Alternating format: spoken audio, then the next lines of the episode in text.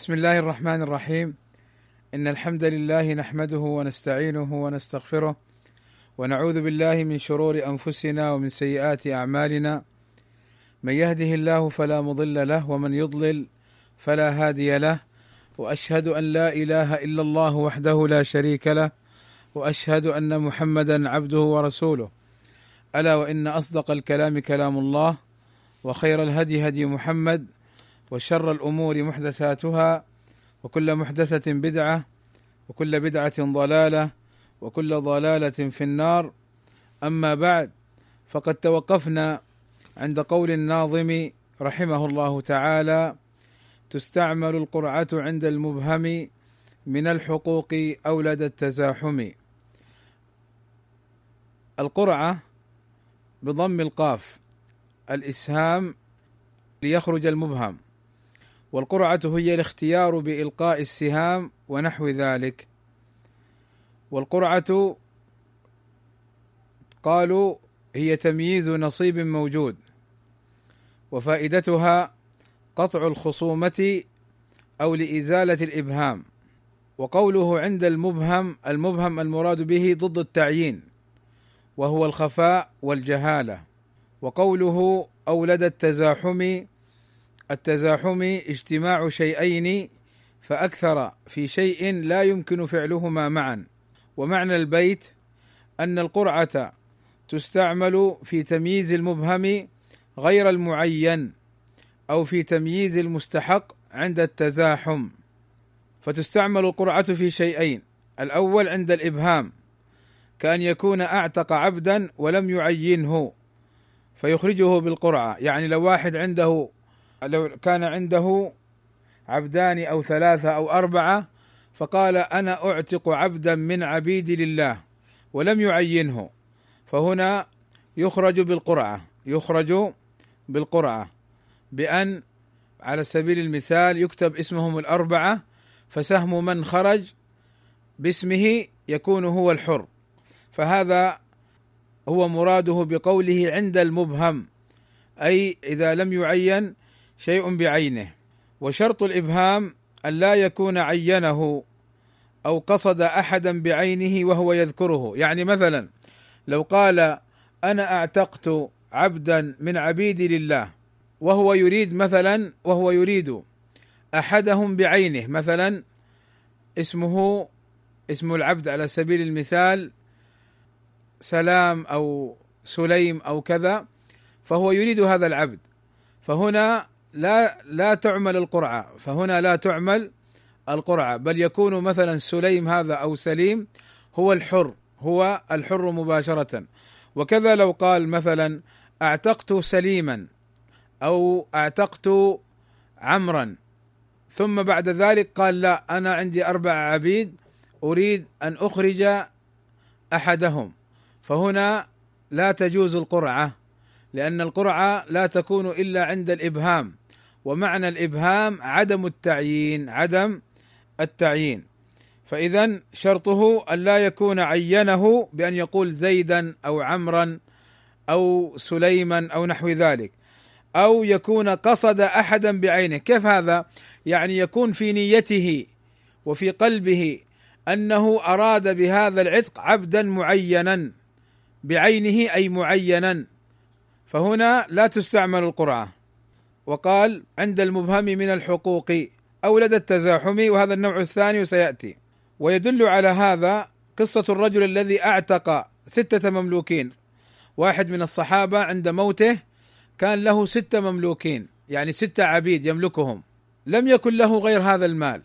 فلما جاء النبي صلى الله عليه وسلم ألغى عتقه للجميع للستة. والعمل أن الميت إذا أوصى بجميع ماله إنما يخرج منه الثلث. فهنا ستة يصح العتق في الثلث يعني في اثنين. فجزأهم النبي صلى الله عليه وسلم اثلاثا.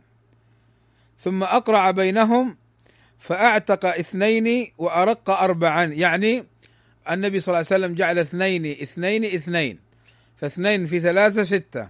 فبالقرعة أخرج اثنين وأبقى أربعة مملوكين لبقية الورثة. وقوله عند التزاحم في الحقوق أي في الحقوق كأن يترشح للإمامة اثنان تستوي صفاتهما فيقرع بينهما. وشرط هذه الحالة الثانية الأولى عند الإبهام والثانية عند التزاحم. شرط هذه الحالة الثانية التساوي في الصفات. كأن يكون كلا المتقدمين أو المتقدمين حافظا لكتاب الله عالما بالسنة آه، متوفرة فيه صفات الإمامة. فهنا استوى الجميع في الصفة ولا يمكن أن يعين الجميع في هذه الوظيفة أو في هذه في الإمامة. فيختار واحد منهم يمكن عن طريق القرعة يمكن عن طريق القرعة. ودليل هذه الحالة ما جاء عنه صلى الله عليه وسلم أنه كان إذا أراد سفرا أقرع بين نسائه أي بين زوجاته أيهن تخرج معه يعني أيهن خرج سهمها تخرج معه.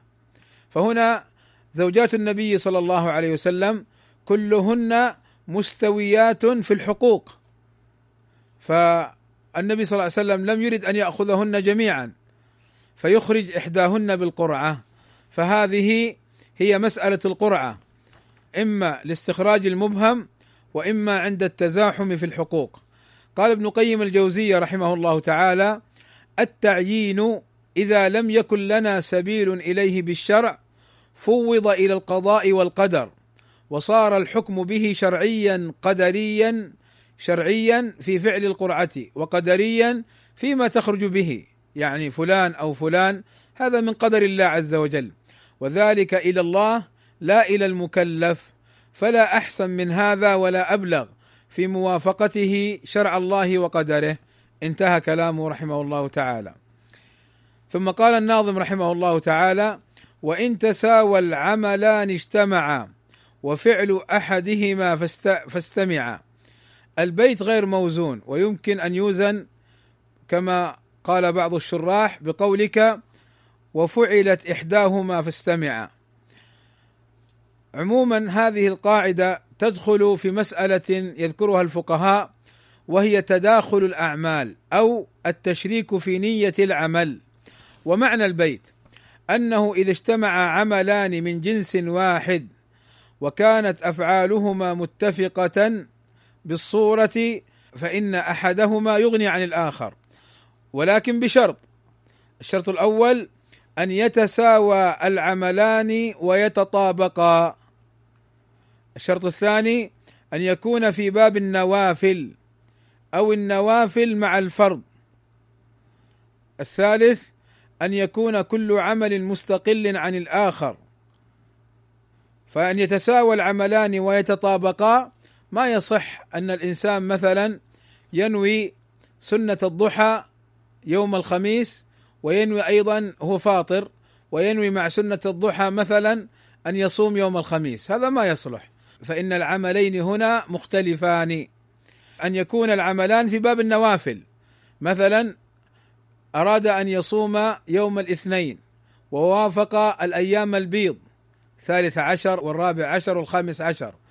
فوافق الاثنين يوم من أيام البيض فنوى صوم الاثنين تطوعا ونوى صوم يوم أحد أيام البيض. فها هنا لا مانع. أو نفل مع فرض بمعنى أن يؤدي الفرض فيغنيه عن النفل. ومثلوا بهذا بسنة أو تحية المسجد. فمن دخل المسجد في صلاة الفجر أو العصر أو الظهر أو المغرب فصلى ركعتين أو صلى صلاة الفجر مع الإمام لا يطلب منه أنه بعد الصلاة يقوم يصلي ركعتين تحية المسجد. فالفرض هذا يغني عن عن تحية المسجد. وأيضا مثلا مثلوا له بطواف الوداع لمن أخر طواف الإفاضة. لقول النبي صلى الله عليه وسلم اجعلوا آخر عهدكم بالبيت الطواف. فمن أخر طواف الإفاضة ثم فعله آخر شيء وخرج من مكة أنه طواف الإفاضة وأنه طواف الوداع أجزأه. الثالث أن يكون كل عمل مستقل عن الآخر كتحية المسجد وسنة الفجر. فها هنا يجوز أن يفعل أحدهما وينوي الآخر والعبد حينها مخير فيها.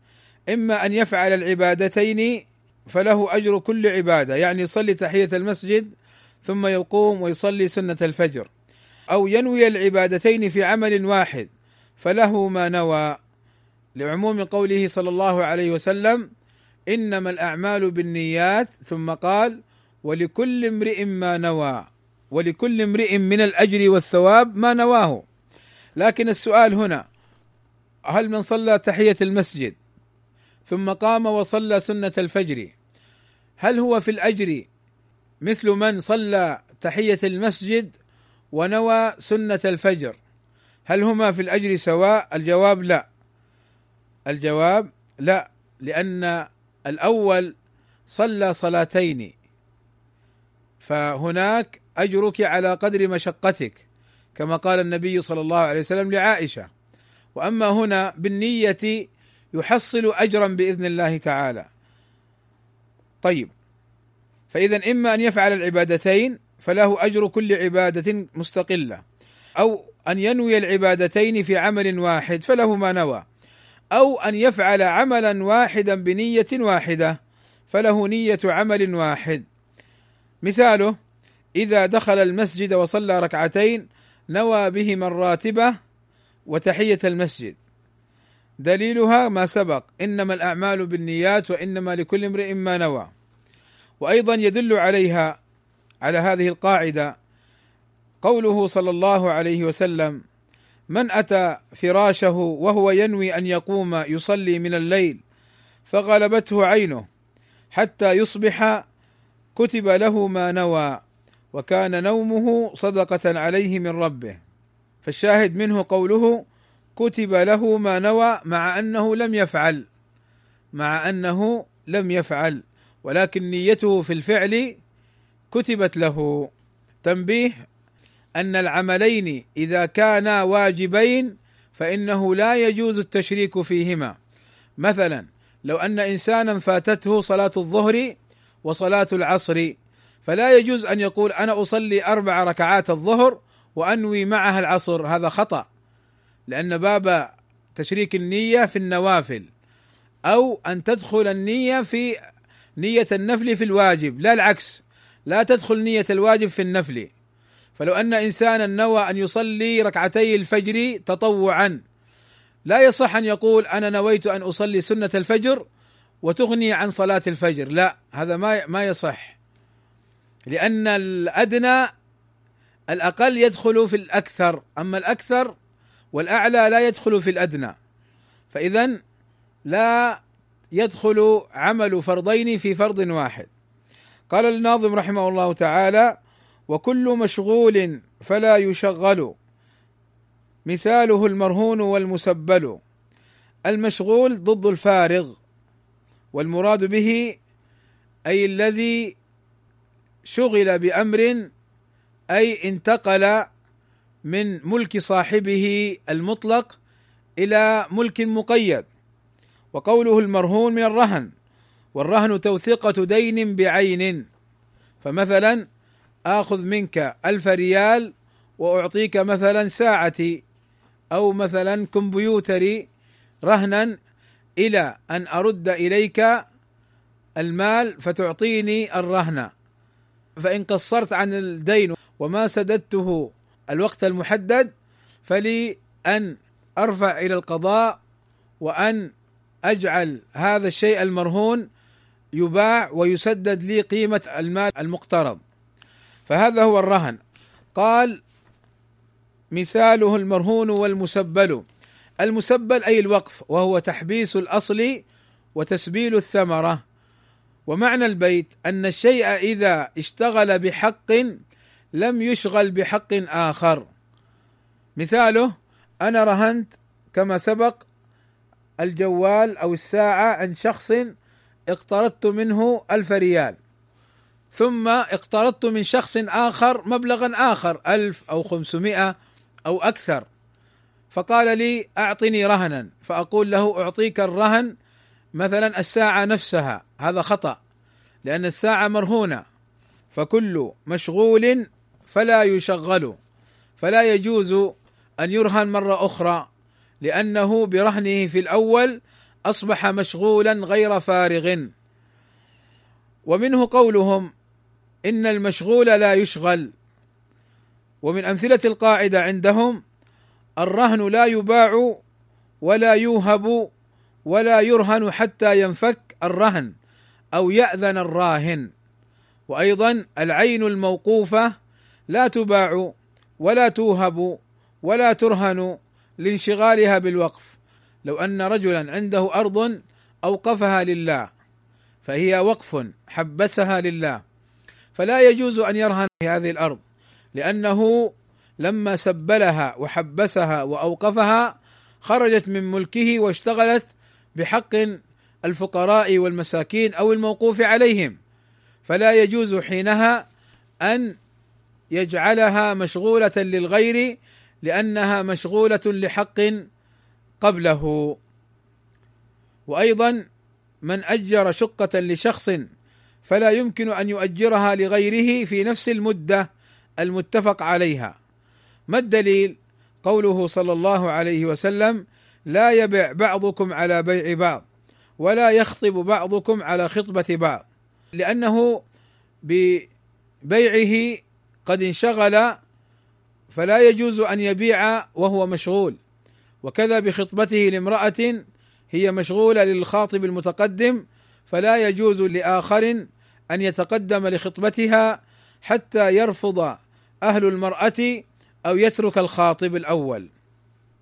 ثم قال الناظم رحمه الله تعالى ومن يؤدي عن أخيه واجبا له الرجوع إن نوى يطالبا هذا البيت في أداء الديون الواجبة عن الآخرين وهذا البيت ليس قاعدة فقهية وإنما ضابط فقهي في باب الديون والمعاملات ومعناه أن من أدى عن غيره دينا لا يخلو من أمرين أن يؤديه تطوعا واحتسابا بحيث لا ينوي مطالبة أخيه بشيء فهذا ليس له الرجوع بمطالبته بما دفع.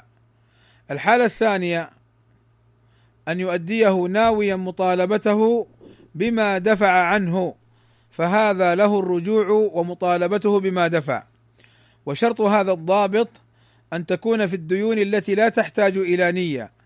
دليلها حديث العائد في هبته كالكلب يقيء ثم يعود في قيئه. قال أن يؤدي ناويا مطالبته بما دفع. وأما ما تشترط له النية كالزكاة والكفارة ونحوهما فهذه ليس له أن يؤدي عن غيره إلا بإذنه لأن هذا الأداء لا يبرأ عنه لاحتياجه لنيته ولو أداها عنه بلا إذنه فإنه لا يحق له الرجوع إليه. فإن قيل أنا دفعت المال عن فلان لأجل فض المشكلة ولم أنوي حينها شيئا لا الرجوع ولا عدمه يعني لم أنوي الرجوع أي مطالبته بالمال ولا عدم المطالبة فالظاهر أنه له أن يرجع. اذا الأحوال ثلاثة. الحالة الأولى أن يؤديه تطوعا واحتسابا. لا ينوي مطالبة أخيه بشيء فهذا ليس له الرجوع بمطالبته بما دفع. لماذا؟ لقوله صلى الله عليه وسلم العائد في هبته كالكلب يقيء ثم يعود في قيئه. الحالة الثانية أن يؤدي المال عن غيره ناويا مطالبته بما دفع فهذا له الرجوع وله مطالبته بما دفع. لماذا؟ لأنه نوى وتحمل وتغرم عن غيره فيرجع على من كان سببا في غرمه. الحالة الثالثة أن يدفع المال عن الغير وهو لا ينوي الرجوع ولا عدمه. يعني ما نوى حين دفع المال عن غيره أن يطالبه وأيضا لم ينوي أن لا يطالبه. فهنا الظاهر أن له أن يطالبه بما دفع لأنه هو الأصل وهو في حكم الغارم. وشرط هذا الضابط كما سبق أن يكون في الديون التي لا تحتاج إلى نية. ثم قال الناظم رحمه الله تعالى والوازع الطبعي عن العصيان كالوازع الشرعي بلا نكران قوله الوازع الطبعي يعني المانع والرادع عن فعل الشيء والمعين على تركه. وقوله الطبعي أي الطبيعي يعني فطرة الإنسان السليمة. يعني فطرة الإنسان السليمة. عن العصيان أي عن المعصية والخروج عن حد الطاعة. وقوله بلا نكران أي بلا فرق من حيث العمل به في ترك ما تستقبحه الفطرة السليمة. أو لا ينكر على المستدل به بأنه لم ينص عليه الدليل. اذا معنى البيت أن ما خلقه الله في الفطر السليمة من استقباح بعض الأمور كشرب البول وأكل العذرة معمول به ويؤخذ منه حكما. والمعنى أن المعاصي التي لا تتقبلها الفطرة السليمة لم يشرع لها حدا. لأن الوازع عن ذلك ما في الطباع من النفرة عنه واستقباحه وما كان ذلك لم يحتج إلى أن يزجر الشارع عنه بالحد كأكل العذرة والميتة والدم وشرب البول كما قاله ابن قيم الجوزية رحمه الله تعالى. ويعبر عن هذه القاعدة بقولهم داعية الطبع تجزئ عن تكليف الشرع وقولهم إن الوازع الطبيعي يغني عن الوازع الشرعي. والناس يرتدعون عن المحرمات بما يلي إما بالرادع الشرعي وهي العقوبة المحددة شرعا من قصاص وديات وحدود وكفارات وإما بالرادع الطبعي في الأمور التي تستقبحها النفس ولم يجعل لها عقوبة محددة فيدخلها التعزيرات. ثم رادع السلطان. فإن الله يزع بالسلطان ما لا يزع بالقرآن. فإذا معنى البيت كما سبق أن الفطرة السليمة في ترك المعاصي يستدل بها ويعمل بها كما يستدل بالدليل الشرعي بلا نكران بلا فرق.